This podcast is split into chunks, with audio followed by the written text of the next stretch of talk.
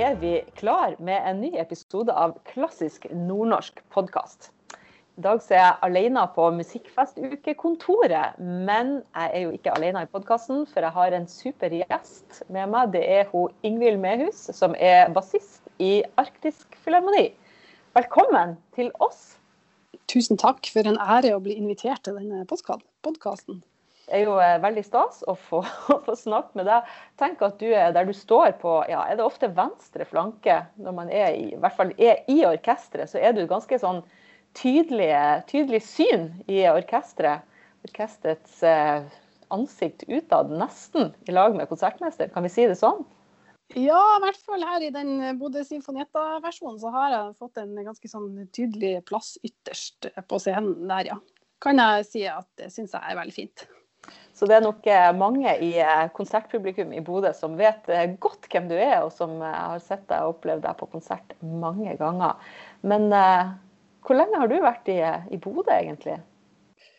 Ja, nå har jeg rett og slett hatt tiårsjubileum.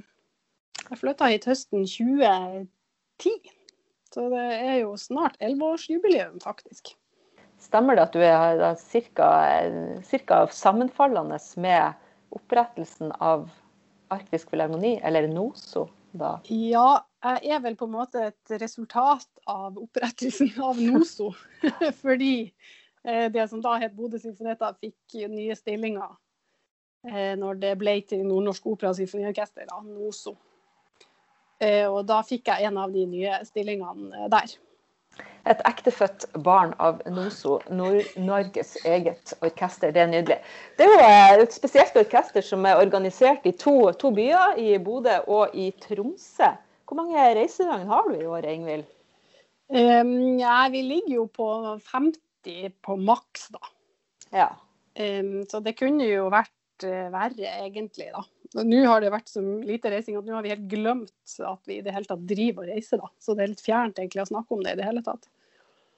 Ja, det kan jeg tenke meg. Hvordan er hverdagen i orkesteret nå i koronatida? Hva dere holder på med? Uh, nei, nå har det jo gått litt opp og ned. I høst så gikk det jo fint, vi jobba som bare det. Men nå etter jul har det jo vært i overkant rolig. Uh, så mm. rolig at man på en måte har blitt vant til at det er så rolig. Så det er vel egentlig denne uka at vi har begynt å, å øve i lag igjen. Og det var veldig gøy og, og ganske sånn slitsomt, fordi at vi er jo ikke vant til det her nå. Vi har kommet i sånn rolig modus. Men det er veldig fint å være i gang igjen. da. Så nå begynner vi faktisk med konsert neste uke. Første konsert på år og dag. Så det blir veldig gøy, tror jeg.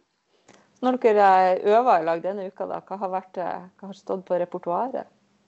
Jo, denne uka har vi hatt litt sånn spennende uke. Vi har eh, han i går, vår pianist, har funnet fram en del sånne open scores, eller sånn og gra grafiske partiturer og sånne åpne partiturer der det står en instruksjon og noen noter eller noen tegninger, og så skal vi spille det og lage musikk ut av det. Så vi har improvisert litt som ensemble. Kjempespennende. Eh, mm. Og så har vi spilt uh, f.eks. min favoritt Workers Union av en som heter Andriesen, som som er sånn fagforeningsstykke med masse punch og masse rytme og masse trøkk. Et fagforeningsstykke? Ja. ja. Det kommer sikkert på, på programmet en gang, håper jeg. Blir det konsert 1. mai neste år, eller noe sånt? Ja, det hadde jo vært gøy, bortsett fra at vi ikke kan jobbe på 1. mai, da. Vanskelig. Oi, oi, oi. Der har vi et lite dilemma. ja, ja, ja. ja. Orkestrene er jo ellers kjent for å ha en ganske knallhard eh, tariffavtale, rett og slett. Det er, det er, veldig regulert arbeidsliv sånn til å være musikkbransjen, er det ikke det? Jo, det er jo det. Og jeg sitter jo også som tillitsvalgt, så jeg er jo litt midt oppi det her. Og det, jeg har jo tenkt egentlig mye på hvorfor, hvorfor er det nødt til å være så utrolig regulert for at vi skal kunne klare å fungere. Men jeg har rett og slett kommet fram til gang på gang at uh, jo flere man er, jo mer regulert må man ha det. Mm. I tillegg til at er klart repertoaret vi spiller sånn, er jo ekstremsport. Um, når det gjelder både innøving og innstudering og i det hele tatt få det til. Altså, at det er uh, ja, det er en del krevende greier, og da må man ha sånn gode rammer mm. rundt. Så at man slipper å bruke energien på feil ting. At man er helt sånn, at det er optimalt rundt. Det er det du tenker på? Ja, så godt som optimalt rundt, og at man har nok tid til å forberede seg. fordi vi bruker veldig mye tid på det som vi ikke gjør i lag, da. Det som Mm. ikke vises, på en måte. Men Ingvild, litt av eh, liksom, formålet med disse podkastene er jo kanskje å bli kjent med noen utøvere som vi presenterer i festivalen. Og Arktisk Filharmoni er jo alltid med i Musikkfestuka eh, på en eller annen måte. Mm, og jeg tenker at eh, ja, mange har sett deg, opplevd deg i konsert, og, og nå eh, kunne jeg liksom godt eh, tenke meg å gå liksom, tilbake til ditt utgangspunkt som musiker. og ja, hvem du er, og hvordan, hvordan blir man eh, bassist i et symfoniorkester? Hvor, eh, hvor starta liksom din musikkinteresse? Um, ja, Nå er jeg jo kort fortalt uh, miljøskada. Da jeg vokste opp i et hjem der begge mine foreldre var organister. Når jeg var lita. Ja, sant. Det kommer Ja. mye godt ut av det. Eh, Så jeg er vokst opp med Bach rundt ørene til enhver tid, omtrent. Og jeg bærer jo selvfølgelig preg av det. Man får mye gratis ved at eh, Eller min far har spilt så utrolig mye musikk høyt i stua Mm. så høyt som ikke Vi fikk jo ikke lov å ha musikken så høyt som han fikk lov til. Um, og så tulla det litt på seg med at jeg begynte med sånn elbass i band på musikkvalgfag på ungdomsskolen da, i 10. klasse. Ja.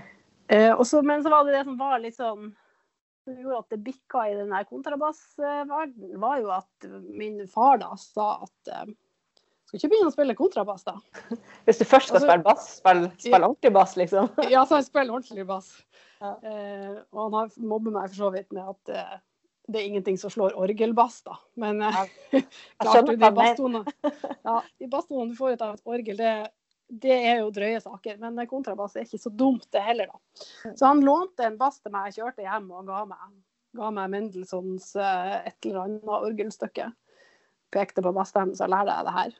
Okay. Og så var det en seks, sju, åtte stykker som prøvde å overtale langt ut Erik Sundquist til å ta en elev. Mange kjenner jo han som en eh, bassvirtuos og en, en, finfin type. Mm. Og da var det da min musikklærer som dro det lengste strået og sa Da han spilte i band med han her Knut Erik Sundquist, da. Så han Det var han som klarte å overtale han, har han Knut Erik fortalt meg i ettertid, da. Så da ble det musikklinje og øving, og Knut Erik er en veldig fin lærer, da. Så da var det liksom bare Det bare tulla på seg derifra og hit, Mm. tenker jeg vi kan si. Det er jo ganske rått å begynne å spille bass, og så får du han Knut Erik Sundquist som din første basslærer. Ja, det er rett og slett litt genialt eh, å begynne liksom med en ordentlig bra, grundig lærer som Mm. lærer det her, i tillegg til at, eh, til at han har god teknikk som man kan lære bort som er liksom ryddig og skikkelig, så, så er han også så utrolig musikalsk og opptatt av musikken, og ikke opptatt av alle mulige sånne tekniske ting. Mm. Eh, og det var en veldig god start, syns jeg, da, å få.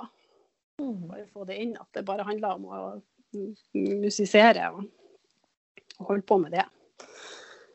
Så det har jeg tenkt at det er noe av det smarteste jeg har gjort i hele mitt liv. Akkurat å begynne på musikklinja og begynne å spille bass hos sang Knut Erik Sundquist. Men eh, er dere ikke to, da? Som både du og Jorunn Tarander, som er liksom fra samme To, eh, to bassister i, eh, i Arktisk Filharmoni som har akkurat egentlig samme inngangen til det. Stemmer ikke det? Jo, det stemmer jo, og det er jo ganske morsomt sånn. Særlig sett i ettertid, liksom, hvor vi havna på samme plass, på en måte, da, bare at vi er i hver sin by.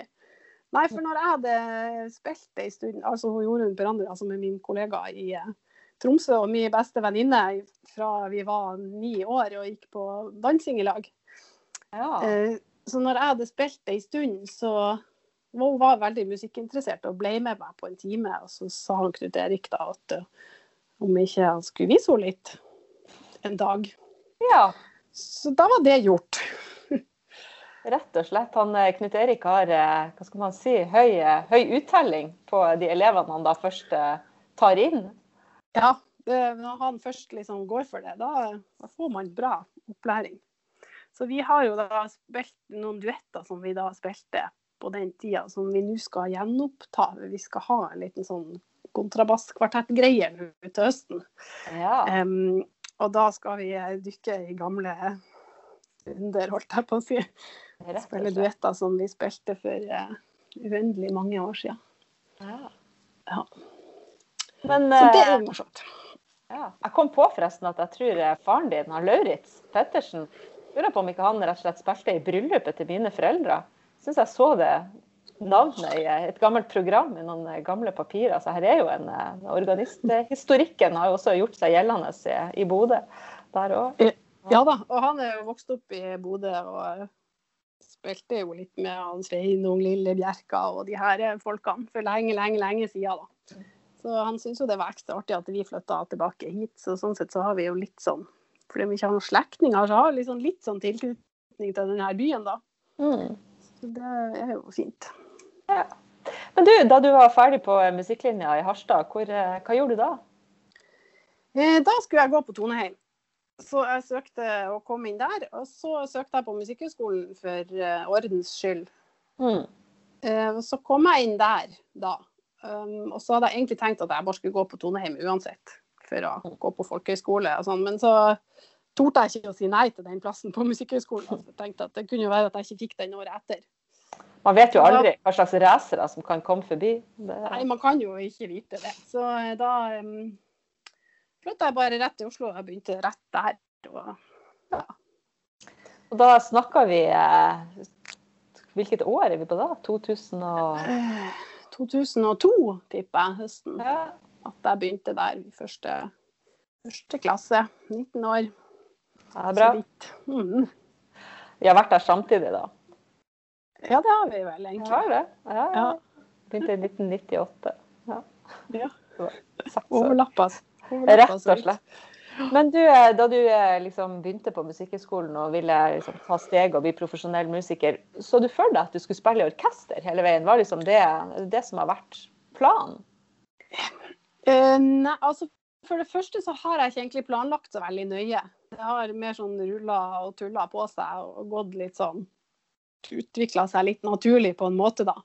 Så når man løp av studiet så ble det jo mer, mer frilansing. Og jeg har spilt en del barokkmusikk med sånn tarmstrenger og Mm. med sånne tidlig musikkfolk, og det syns jeg er kjempegøy. Og så har jeg spilt en del i orkester, vikariert eh, sånn rundt forbi på litt forskjellige ting. Og så har jeg egentlig alltid tenkt at å sitte sånn i sånn stort orkester på fulltid, der man hver uke er åtte bassister kanskje, Mm. og dundre gjennom svære symfonier uke etter uke, det jeg tenkte at det var kanskje ikke det som sto helt øverst på lista mi da. Mm. Um, men så kom denne jobben, da, som jo da Den har jo kanskje forandra seg litt i løpet av de ti årene, men det var jo en sinfonietta da, til å starte med. Da er man jo én på hvert instrument. Mm. Og det passer meg jo helt utmerket. Og så er det jo den modellen at vi er jo orkester av og til. Mm. Og det er jo kjempegøy å da være mange. Mm. Eh, pluss at vi eh, spiller lunsjkonserter og kammermusikk. Jeg føler at jeg, jeg har funnet et så veldig sånn bra sted der jeg Mm. får gjøre utrolig mye forskjellig, og, og man kan påvirke sjøl om man har lyst. Da. Man har lyst til å spille noe vanskelig solosonate, så gjør man det på en lunsjkonsert. Mm. Så det er liksom mange muligheter. Mm. Det er høres ut som en fleksibel jobb, det der. At du både får den der solobiten, du får kammermusikk, og så får du også være med av og til på de der svære symfoniske konsertene. Det må være gøy. Ja, Jeg tenker at det er rett og slett eh, så optimalt som man kan få det hvis man skal være institusjonsmusiker. Mm. For å si det sånn. Så jeg, jeg lar meg imponere jeg hører liksom at det, lyses ut eh, stillinger i Arktisk Filharmoni nå, og så er det liksom på hundrevis av søkere. Er det, er det gjengs, eller tror du det er noe liksom spesielt med de her jobbene eh, oppe i nord som har den der blandinga? Eh, Jeg er litt usikker, for en del av de folkene som ikke kjenner oss så godt, de, det er ikke så alltid så lett å forstå for dem hvordan vi opererer i praksis. Mm. Men det er klart en del av de som søker, kjenner vi jo og har vært her og kjenner til organisasjonen og hvordan vi er bygd opp. da. Mm. Men eh, jeg vil jo tro at det ser spennende ut. eh, eh, ja, den typen det er satt sammen på, eller på den måten, da. Mm. Men fortell da, hvordan, hvordan får man en jobb i et orkester? Jeg lar meg også fascinere av hvor lang tid det går fra man ser oi, OK, nå er det ledig stilling som ja, bratsjist eller hornist i Arktisk Filharmoni, Og så gode halvannet år etterpå, så har dere ansatt et menneske. Ja. For, fortell, hva er, hva er, det som skjer? Hvordan er den prosessen? Det er mer enn et jobbintervju? Uh, ja, det er litt mer uh, omfattende uh, enn et lite jobbintervju, ja. Det starter jo med at man må sende inn en søknad, og så nå i det siste så har vi hatt såkalt første runde på video. da. Så Det betyr at de, når du sender inn søknad, sender du også inn en video med det er sånn utdrag fra orkesterlitteraturen. Sånne forskjellige, bare vanskelige steder. Som du må filme og ta opp, og så må du sende det inn. Og det skal være tatt i ett take, og det er sånn regler på hvordan det skal gjøres. Og så sitter vi i juryen da og leser gjennom alle søknadene og hører på alle videoene. Og så velger vi ut noen som kommer til det andre runde, da. Og de må da komme hit og prøve å spille eh, andre runden. Og det kan være kanskje fem-seks stykker som da kommer dit, da. Så da har vi jo silt ut ganske bra allerede. Og så er det kanskje en andre runde og en tredje runde på samme dag, der de også spiller sammen med oss. Litt kammermusikk og, og sånn. Og så, etterpå det, så, så må vi jo prøve eh, i stort orkester, i symfonietter med kanskje hardcore samtidsmusikk, sjekke om det funker. Kanskje ei uke med, med sånn liten kammermusikk med bare tre-fire stykker og sånn. Så det går jo fort da kanskje tre uker til, da. Og da er det kanskje to-tre stykker som skal ha de her tre forskjellige prøveukene. For at det skal gå opp med kalenderen, da, da er det fort et år. Uh, og det er utrolig krevende prosess for alle parter som er involvert. Og vi søker hele tida å optimalisere denne prosessen, men det er ekstremt vanskelig ja. å ha noen sånn quick fix på, på det, altså. Det må jo være kjempevanskelig både for de som da har livet sitt litt på vent og går og venter på et svar og investerer masse i å, i å jobbe og gjøre best mulig inntrykk hos dere, samtidig som dere jo da har en ledig plass i orkesteret. da, og vikar Mm. og ja. Ja, ja. Og hvis de som virkelig vil ha disse jobbene, sant? det er jo snakk om at du, du, du øver et halvt år, på en måte, minst, Mm. I, for, i forkant.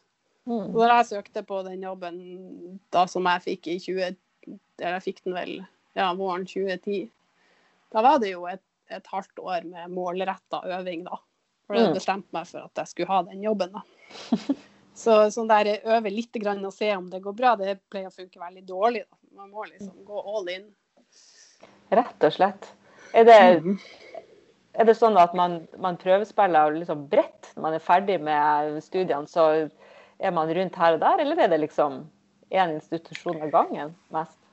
Nei, man kan jo være i en sånn steam, for det er mye det samme repertoaret som går litt igjen. I hvert fall de standardtingene, da.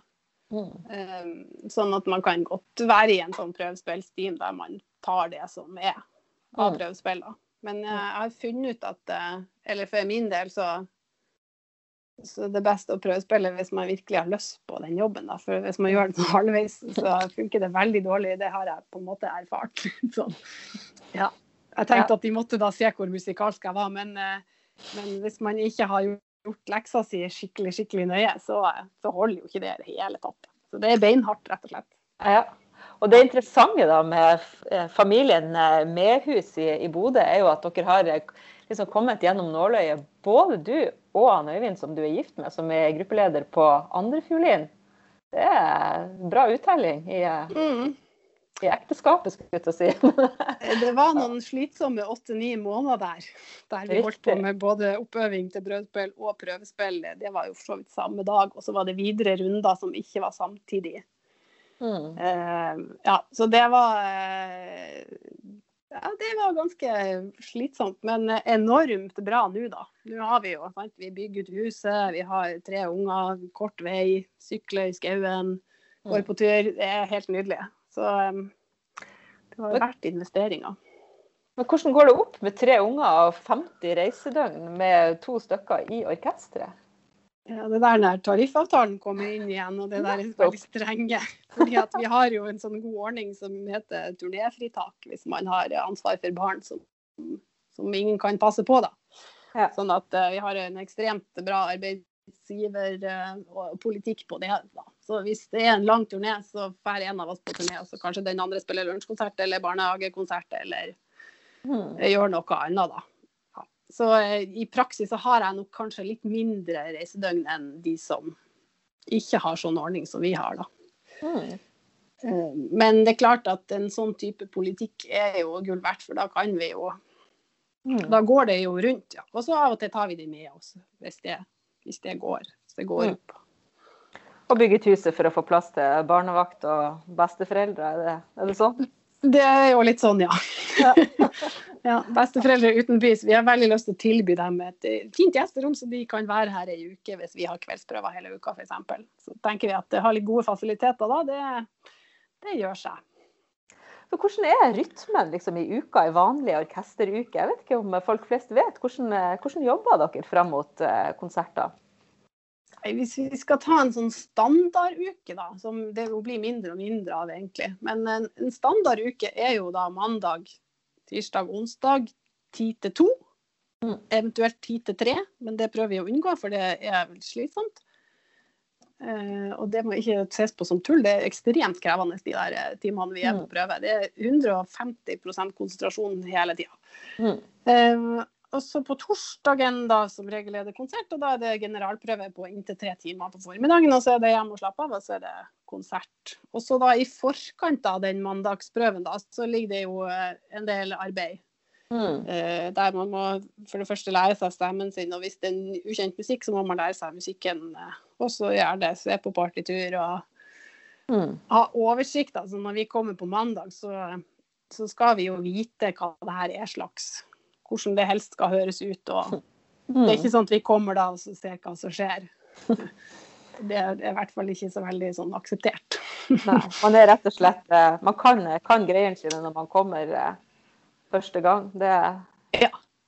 Du skal helst kunne spille alt sånn som du vil at det skal være. Og så finner man selvfølgelig ut av hvor skoen trykker, og hva du har øvd for lite på, og hva du kan bra. Og sånn, og så må du justere det da i løpet av uka innimellom de prøvene.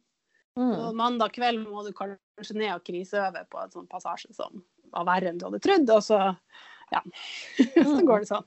Og på fredag da er vi litt sliten, og da er det kanskje lunsjkonsert eller kanskje fri. da. Eller kanskje en konsert i Tromsø hvis vi reiser dit Mm. og gjentar konserten der, da. Eller forberedelse til neste uke, kanskje. Eller eh, Ja. Hvis man ikke eh, enten har gjort det før eller utsetter det litt fordi man er så full i kroppen av det som har vært. da. For mm. det er jo liksom Altså, En ting er jo uh, musikken og det fysiske, og sånn, men hvis det er sånn heftig og intens musikk, så er det jo Man blir jo mentalt liksom utlada òg etter en Mm. konsert. da. Mm. Det er ikke bare å våkne på fredag liksom frisk og rask og bare Yes, klar for ny. Det, det tar litt tid å liksom Mm. avslutte. I hvert fall syns jeg, da. For tenk på det, Jeg har jo ikke så veldig mye eh, orkestererfaring, men har jo vært noen uker i lag med dere og spilt om det har vært orgelpositiv eller celesta eller et eller annet sånn obskurt eh, tangentinstrument inni, inni, inni symfonietta. Og eh, jeg må si at eh, det er rart. Altså, når man er solist og holder på for seg sjøl, så er det jo veldig ofte sånn at så skal man si det, konserten, Man er nervøs for konserten. Når jeg spiller med orkester, så er jeg nervøs for første prøve. Rett og slett. Kan du kjenne deg igjen i det? Eh, absolutt. Ja, første prøve er jo på en måte det er der du stikker fingeren i jorda og får kjenne hvordan, hvordan det er. Det her. Går det bra, eller går det ikke? Mm. Eh, Sånn at eh, det tror jeg stemmer. Og hvis man har en stor solo eller noe sånt, så er det nesten alltid verst på den første prøven. Mm. eh, verre enn det på konserten. Og man er jo kanskje ofte mer nervøs for å spille for sine kolleger enn for å spille for et sånn koselig publikum. Også. Ja. Og det er jo noe med det der at det kanskje få arbeidsplasser der man får så direkte tilbakemelding på det du gjør i dine kollegas pås... Altså, en dirigent kan jo liksom peke på deg og si 'du'. hvordan, hvordan takler man sånne situasjoner? Nei, det var jo et veldig godt eh, spørsmål du stilte der, som ikke er så veldig lett å svare på. Men eh, er et altfor stort tema. For det handler om så mye. Altså, og sjøltillit og hvordan form er du i. Altså, hvis du er i god spilleform og er i gassen og er godt forberedt og kan stoffet, og dirigenten sier der må dere gjøre litt mer sånn, så sier du bare ja, fint, da gjør vi bare litt mer sånn. Mm. Eh, Og hvis man er ute av det og ikke har sovet på ei uke eller har små barn, eller ikke klarer å tenke riktig rytme fordi man er helt utkjørt og dirigenten sier noe sånt, så, så blir man Jeg vet ikke. Man prøver jo bare, og så går man hjem og ser i taket etterpå. Men de fleste dirigenter er altså jeg tror det var verre før det der med dirigenter som liksom Du! Ja. ja for det er jo noe med det der liksom, maktkulturen som kanskje er i ferd med å endre seg. Ikke det, altså nå er jo metoo og alt det der, det er jo ikke det dette handler om egentlig, men det handler jo allikevel om noen sånne strukturer hvor man som, som sjef og som kunstnerisk leder har kunnet tillate seg en sånn type tilbakemelding og språk som kanskje ikke er så vanlig ellers i samfunnet. Mm det er jo sånn diktator-skitt-greier her, da. Mm. Som jo litt er på vei. Altså, ja, som sagt, det var nok litt verre før. Nå mm. er det jo litt mer sånn i hvert fall De beste dirigentene er jo de som får alle til å spille i lag av seg sjøl, og som får alle til å være våken og på alerten. og som kobler sammen den her eh, massen av folk, så det blir én enhet som, som mm. gjør noe i lag. Da. Mm. Uh, og noen er jo veldig flinke på å få musikerne til å slappe av og, og, være trygge i den rollen, og det er da det blir det beste resultatet. Men, ja, altså, du, eh, du, tenker at det, det, er ikke sånn at, det blir, at man blir slapp av å være trygg? Nei, man blir god. Nei, man blir god, det, er, det er litt, veldig misforstått. ja, ja, ja. Ja, man blir, altså Hvis man er avslappa, så har man jo mye mer overskudd til å ta inn det som skjer, og forholde seg til det på en eh, bedre måte. da. Mm. Så, eh, men det er klart, det er jo noen dirigenter som er kjent for å være vanskelig eller eh, superstrenge. Det kan jo også resultere i at man forbereder seg enda bedre på forhånd. Men det er ikke gitt at resultatet blir bra av det, men det kan også bli bra. Mm. Men, men, det kan jo være utrolig utmattende og, og krevende da, for mm. musikerne. Jeg har bare tenkt på det der, liksom, hvor, ja, hva er en god dirigent? da? Hva er, for du vil jo, altså Man vil jo at alle skal være ikke sant, på alerten, skjerpa, gjøre sitt beste. Og samtidig så er det jo noe med det der du sier at det er jo så ja, altså tøffe prestasjoner og utfordringer man skal gjennom underveis. Og du, man spiller jo ikke bedre av å, av å, være, av å være redd. Det, nei. nei, man gjør, man gjør ikke det. Jeg har også tenkt mye på det, hva det er. Som, mm. Eh, no, noen ganger så skjer det bare et eller annet der man føler at det er en stor enhet. Mm. Og det er jo helt fantastisk, hvis man mm. Eh, får oppleve det. Mm. Ja. det vi snakka litt om det der, hvordan, hvordan, får man jobb som musiker i et, i et orkester. Men det er jo egentlig akkurat like interessant hvordan, hvordan rekrutterer man lederne sine. Hvordan, eh, dere har jo han Tim Weiss som er mm. leder for Symfoniettene. Og så Christian Kluksen som er sjefdirigent for, eh, for symfoniorkesteret når dere er stort ensemble. Hvordan, hvordan fungerer, eller hvordan, hvordan, er de prosessene hos dere? Hvordan velger man eh, bestemme hvem, hvem man vil ha i den posisjonen? Nei, det er jo Altså, vi er jo litt sånn i, i disse tilfellene litt sånn ung organisasjon. For vi er jo bare 10-11-12 år gammelt. Sånn at vi har jo ikke 100 år gamle tradisjoner på hvordan man velger en sjefdirigent. I tillegg så har vi ikke så mange uker med fullt symfoniorkester. sånn at det å, å, å, velge å finne ny og bli kjent med nye folk er ganske vanskelig. fordi at det er ikke så mange muligheter for det. da. Mm. Så, um, men det jobber Altså, det finnes et um, faglig råd som jobber med å skaffe navn på blokka, som vi da inviterer og, og tester ut. Og så ja. Så får jo vi si hva vi syns, men til slutt så er det jo ledelsen som bestemmer det, da. Mm. Hos oss. Uh, I Berlinfilharmonien er det ja, jeg spørre har, det. Ja, de bestemmer alt, og du må ha et sykt høyt flertall for å bli ansatt der som, eh, som sjefdirigent. Det kommer rett og slett hvit røyk ut av pipa på den gule filharmonien i eh, Berlin, når de akkurat som pavevalget, når de har valgt sin nye dirigent, eller noe sånt? Ja, det tror jeg er heftige greier, altså. Ja. Men det er jo interessant. Eh, ja, komplekst eh, tema det òg, egentlig. Og den, ja. Men er dere mye uenige, eller er det liksom stor, skulle til å si, at man er liksom eh, samstemt relativt om hva slags type dirigent man liker? Nei, det er jo litt forskjellige meninger. Men eh, ofte så er majoriteten kanskje i hvert fall enig og har litt sånn samme synspunktene, egentlig. Og det, disse lederne er jo mennesker, sånn at de har jo sterke sider og, og svake sider. Og som regel så kan man jo Så ser man jo på en måte helheten, da. Mm. Så da kan man jo eh, diskutere hva som er viktig, og hva som ikke er så viktig, kanskje. Så, Mm. ja. Så handler det jo kanskje også om hva slags mennesketype man er sjøl. Hvor, hvor mye man tåler, og hva man ser etter, og hva slags idealer man har også musikalsk. Jeg vet ikke. ja, det tror jeg det gjør også. Noen eksempel, noen typer dirigenter for er veldig sånn musikantisk og Mm. i schwungen og i kroppsspråket, mens noen er mer sånn matematisk, eller hva man skal si. da.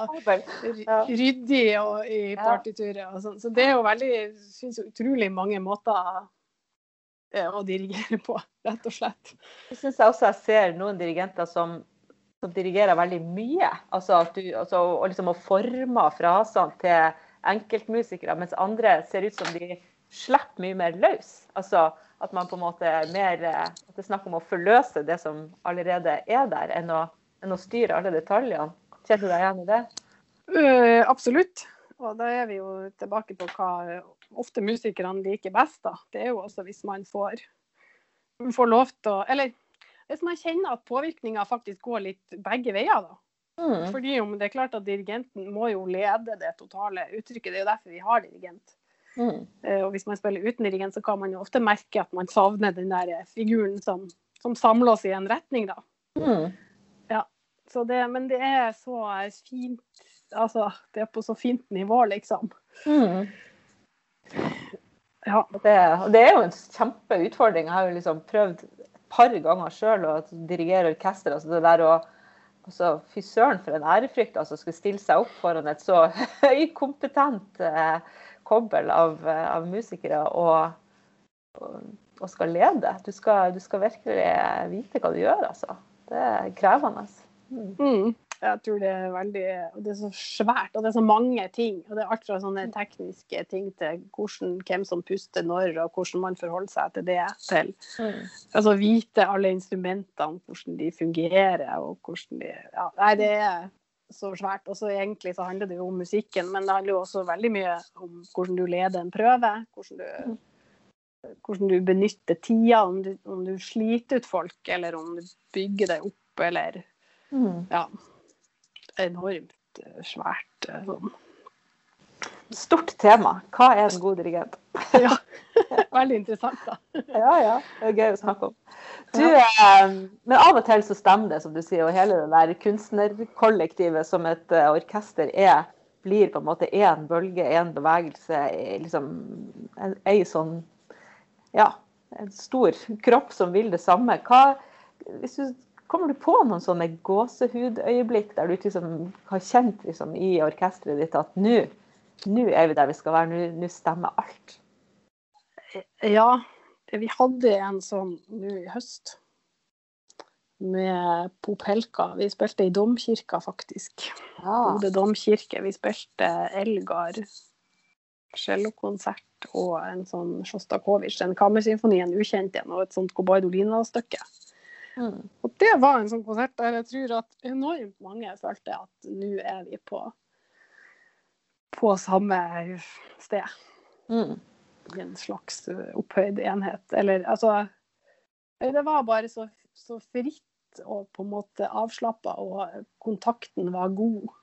Mm. Eh, overalt, og akustikken var jo deilig. Da kom vi jo fra Tromsø eh, kulturhus, der det ikke er så fint sånn akustikk. Da. Så vi fikk en litt sånn boost på at det faktisk klang Mm. godt. Så da, det var en sånn eh, konsertopplevelse der jeg tenkte ah, yes, det her var deilig. Ja, det er derfor vi Ja. holder på med det her. Ja, fantastisk musikk i utgangspunktet. da, Det er jo bare helt eh, Både Elgar Ja. og Sjostakovitsj og Ja da. ja. Ja. Og nydelig cellist, Andreas Branteli. Altså, han drev og øvde. Det er jo en sånn veldig sånn oppgang på den der Helgar cellokonsert. Mm. Eh, Der han liksom spiller opp og opp, opp, og så kommer de to siste tonene. Så skikkelig ledetoner, liksom. Så Mm. man får gåsehud av. Og så satt han og øvde på det her rett før konserten, og så stoppa han Mm. rett før de siste tonene. Og så vi bare sånn Nei, du kan ikke stoppe der, liksom. Du må Så sier han nei, jeg sparer de til konserten, sa han. Mm. Og så når jeg kom dit på konserten, så så han på meg. Mm. Og så spilte vi og jeg bare. Ah. Nei, det var helt Det var så magisk nydelig. Ja, det er fantastisk. Ja.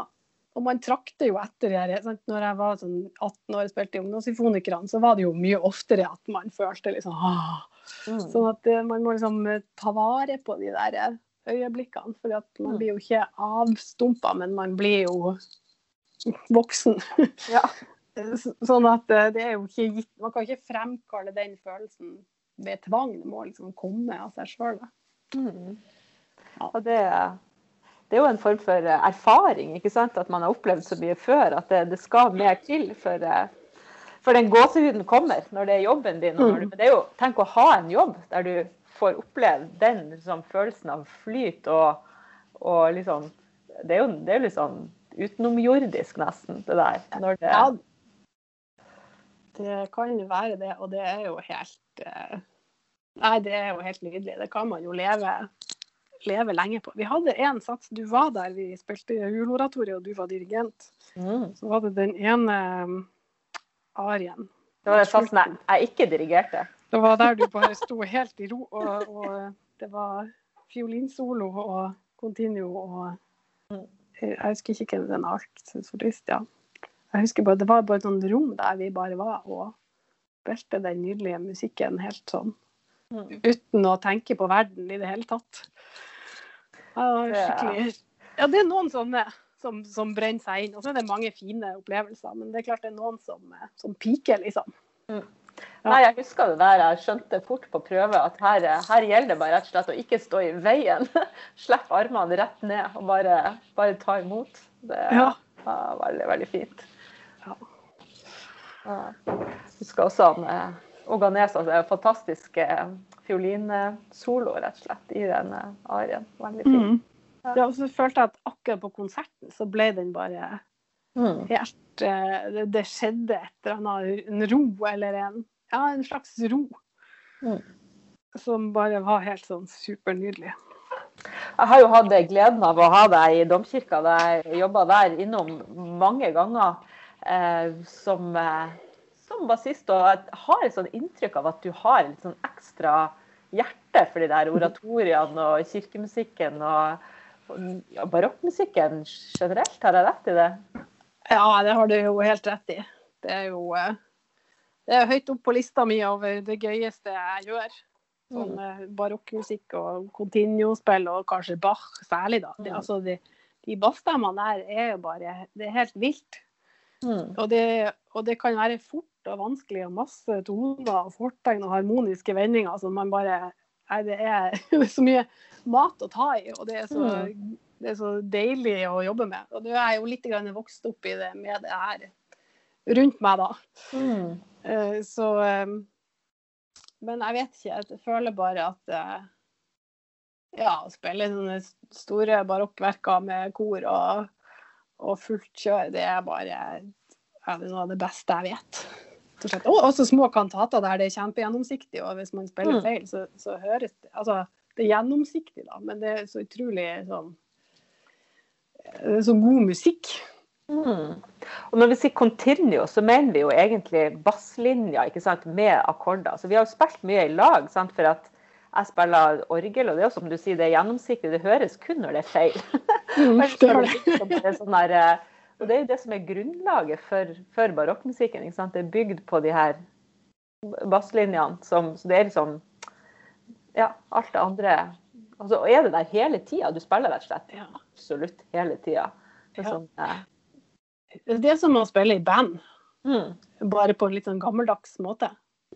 At uh, folk må, de må bare, de andre musklene må bare høre på oss, og det er vi som styrer.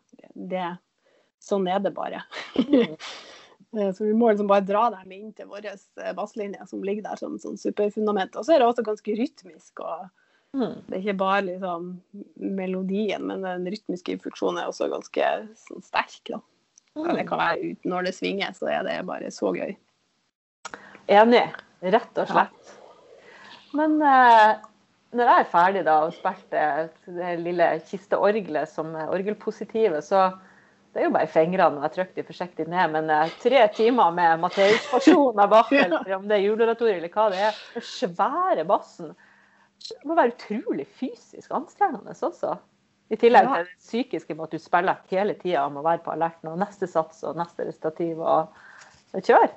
Ja, det er kjempekjør. Jeg har ofte tenkt at det her skulle man gjort i treningstøy. Fordi at eh, man, man blir jo svett. Det er jo Og så en vakker dag skal jeg spille konsert med pulsbelte. Ja. Eh, Altså, en ting er sånn nervepuls, men på sånn vakting så er det jo mest eh, sånn fysisk eh, altså arbeidspuls. Ikke fordi at jeg er så veldig nervøs, men det hadde vært morsomt å se det etterpå. eh, hvordan, denne, hvordan pulsen har vært i løpet av de her to-tre timene. Der det går og går og går og går. og går. Ja. Hvor mye kalorier brenner man liksom, i løpet av uh, tre timers continuous-spill? Mange. ja, hjernecellene flyr sin vei. Ja, ja. ja, ja. Ja. Men jeg også kjenner jo på det at uh, der er jo rutinen god å ha også. At uh, sånn, første gang jeg spilte H-målmessa, da gikk jo øynene og hjernen i kryss etterpå. Men når Mm. man begynner å få det litt under huden, så, så er det mye lettere, da. Ikke sant? Men fortsatt et kjør. Jeg husker første gangen jeg hadde spilt Continuo på hele juleoratoriet, så hadde jeg så vondt i øynene. Uka som kom, så gikk jeg til sånn Det var mens jeg bodde i Oslo, så gikk jeg sånn optiker på Torshov. Og sånn Ja, hva driver du med da? Og så fortalte han det sånn Noe spesielt de siste dagene?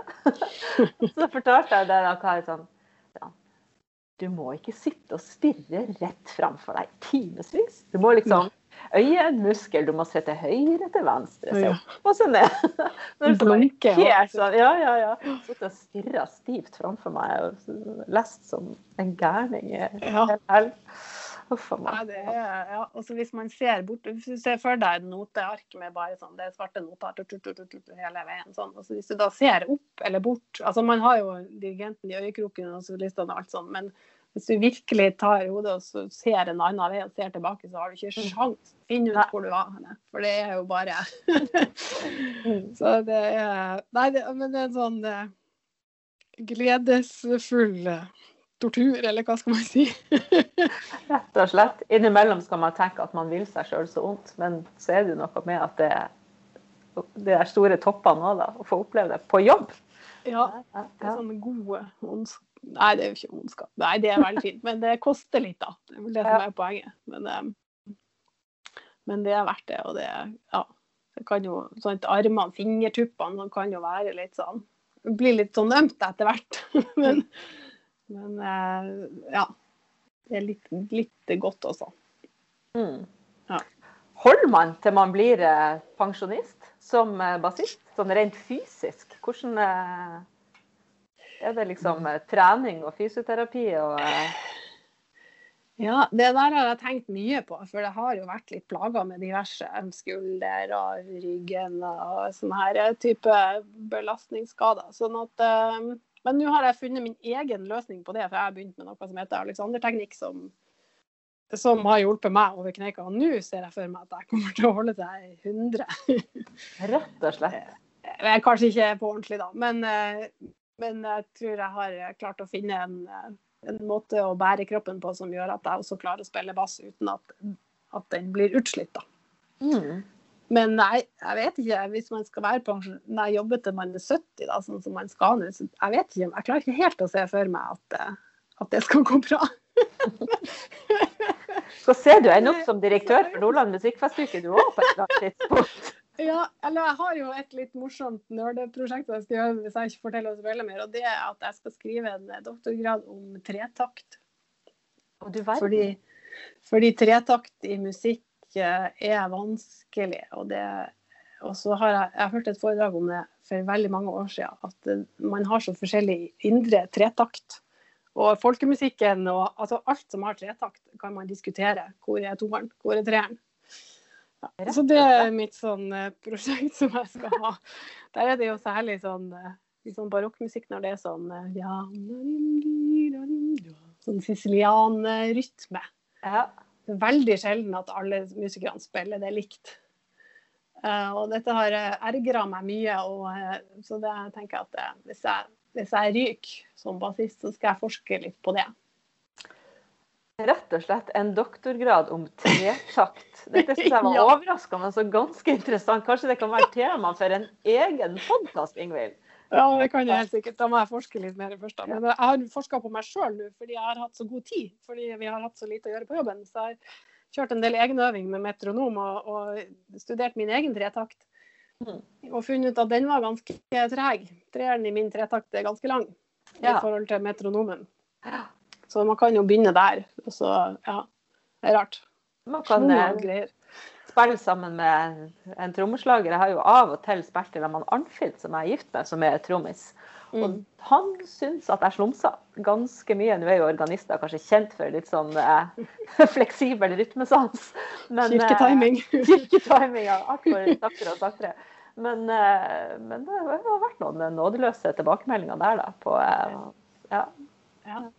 Ja, det er kjempe, nei, det er kjempeinteressant. Og eh, han eh, ja, vi, Hvis vi nå er på litt sånn nerdeprat her, da. Vi spilte Beethoven 7. Og Mm. den har jo den her Amsterdam, Amsterdam, Amsterdam-rytmen. Mm. Og det som skjer i orkester, er at det blir At det går på Mm. to istedenfor på én, to, tre. Amsterdam, Amsterdam. Så jeg spurte han paukisten vår, Øyvind Øksnes, som er solopaukist eh, her. Eller han er kanskje tut... Ja, jeg husker ikke akkurat hvilken tittel han er, men han spilte pauke på den eh, symfonien. Og han har utrolig bra tretaktsgroove Mm. med schwung. Mm. Virkelig helt. Og så spurte jeg han hvordan han hadde øvd på det der greia. Mm.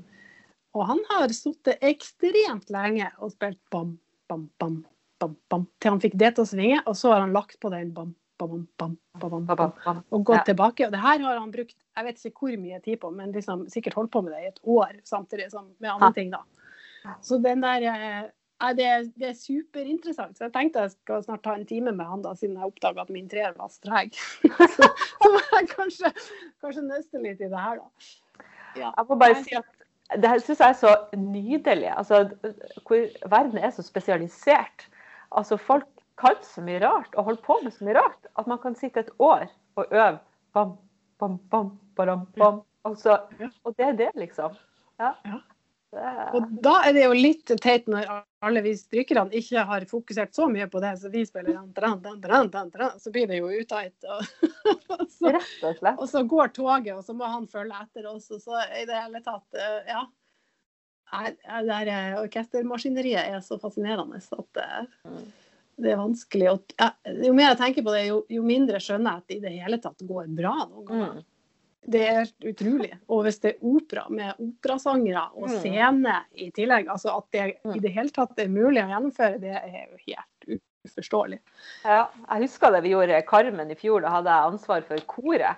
Og det, det er jo sånn at Man øver med koret for seg, ikke sant? og så skal man inn til orkesteret og til solister. og alt. Så, og Da satt jeg mye i salen da, og noterte litt og hva som skjedde, og fulgte med. og jeg kjenner jeg ble, jeg ble bare livredd etter hvert. som tid. Eller, hva, hva skjer nå? Hvordan går det her? Hvordan er det sammen? Hvordan, hvordan slår man seg gjennom et sånt partitur som dirigent? Jeg, jeg bare, jeg synes Det var helt latterlig imponerende at det til syvende og sist gikk stort sett bra. Ja. Nei, det, er, det er så svært, og det er så, det er så mange involverte. Mm. Der alle må være på. Mm. Og av og til så, så mister man jo fokus i løpet av en sånn tre timer lang opera. Da. Så nei, det er utrolig fascinerende. Men eh, det må jo være et eller annet med musikken og kunsten, altså dansing, synging og sånn, som gjør at det på en måte er naturlig allikevel. Da. Det må jo være Mm. det som gjør at det går bra. Mm. Så hvis man begynner å tenke på alle sånne teknikaliteter, hvem som, om de er på scenen på rett tid og sånn, så blir det jo veldig styrete. Naturkreftene rett og slett eh, drar det, eh, drar det sammen i riktig retning eh, til slutt. Det er noen, noen lover der som får det, til, får det til å gå opp. Ja, rett og slett. Det må være noe, ligge noe der, altså. Ja. Nydelig. Jeg syns det var en ganske, ganske fin, fin og optimistisk slutt, Ingvild. ja, det må jeg si meg enig i. Ja. Naturkrefter ordner opp i alt som, som er vanskelig og, og ja, mer komplisert enn man kanskje skulle tro når man går på konsert og og bare lener seg tilbake og tar imot det som kommer. Og, og at det, jeg tenker at man veldig ofte kan kjenne at det ja, dette var bra, eller dette, dette stemte, dette, dette, likte jeg. Men så er det kanskje ikke så lett å vite akkurat hvorfor. Hva er det som gjør at det funker. Men, eh, men det er da bl.a. resultat av eh, mye øving og hardt arbeid, både i tre- og firtakt. Ja, rett og slett. Og så syns jeg det er så interessant at det er så mye fysikk, altså det fysiske. Både liksom vibrasjonene fra lyden og i gulvet og bevegelsene til orkesteret og alt det der. Hvordan det faller sammen, liksom. Nei, det, er, det er veldig fascinerende. Vi har kanskje hatt litt god tid til å tenke på det det siste, halv, ja, siste halvåret. kanskje. Det har vært litt mye filosofering og mm. en tid til egenøving. Da. Så det, på en måte har det faktisk vært litt deilig, kjent jeg. Mm. Men vi gleder oss til å høre dere under Musikkfestuka i august. Glad for eh, at det ser ut som verden er på eh, rette sporet, og at det ikke bare blir egenøving, men også spill for publikum igjen. Hæ?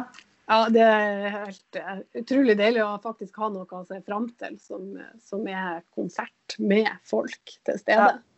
Det, det, trenger vi. Rett og slett. Vi mm har mye å glede oss til. Da eh, tror jeg vi sier takk for praten, Ingvild, og eh, lykke til med både ja, tretakt, fysikken, egenøvinga og det hele. Ja, og nærmere dirigentene. Ja. Takk. Lykke til med årets festival. Vi gleder oss veldig. Det tror jeg kan si på vegne av alle i Arktisk Filharmoni. Altså. Nå blir det bra med litt festival snart. Ja, Nydelig. Da er vi enige om det. Takk for nå. Og så eh, ses vi snart. Ja. Vi snakkes. Det gjør vi. Ha det. Ha det.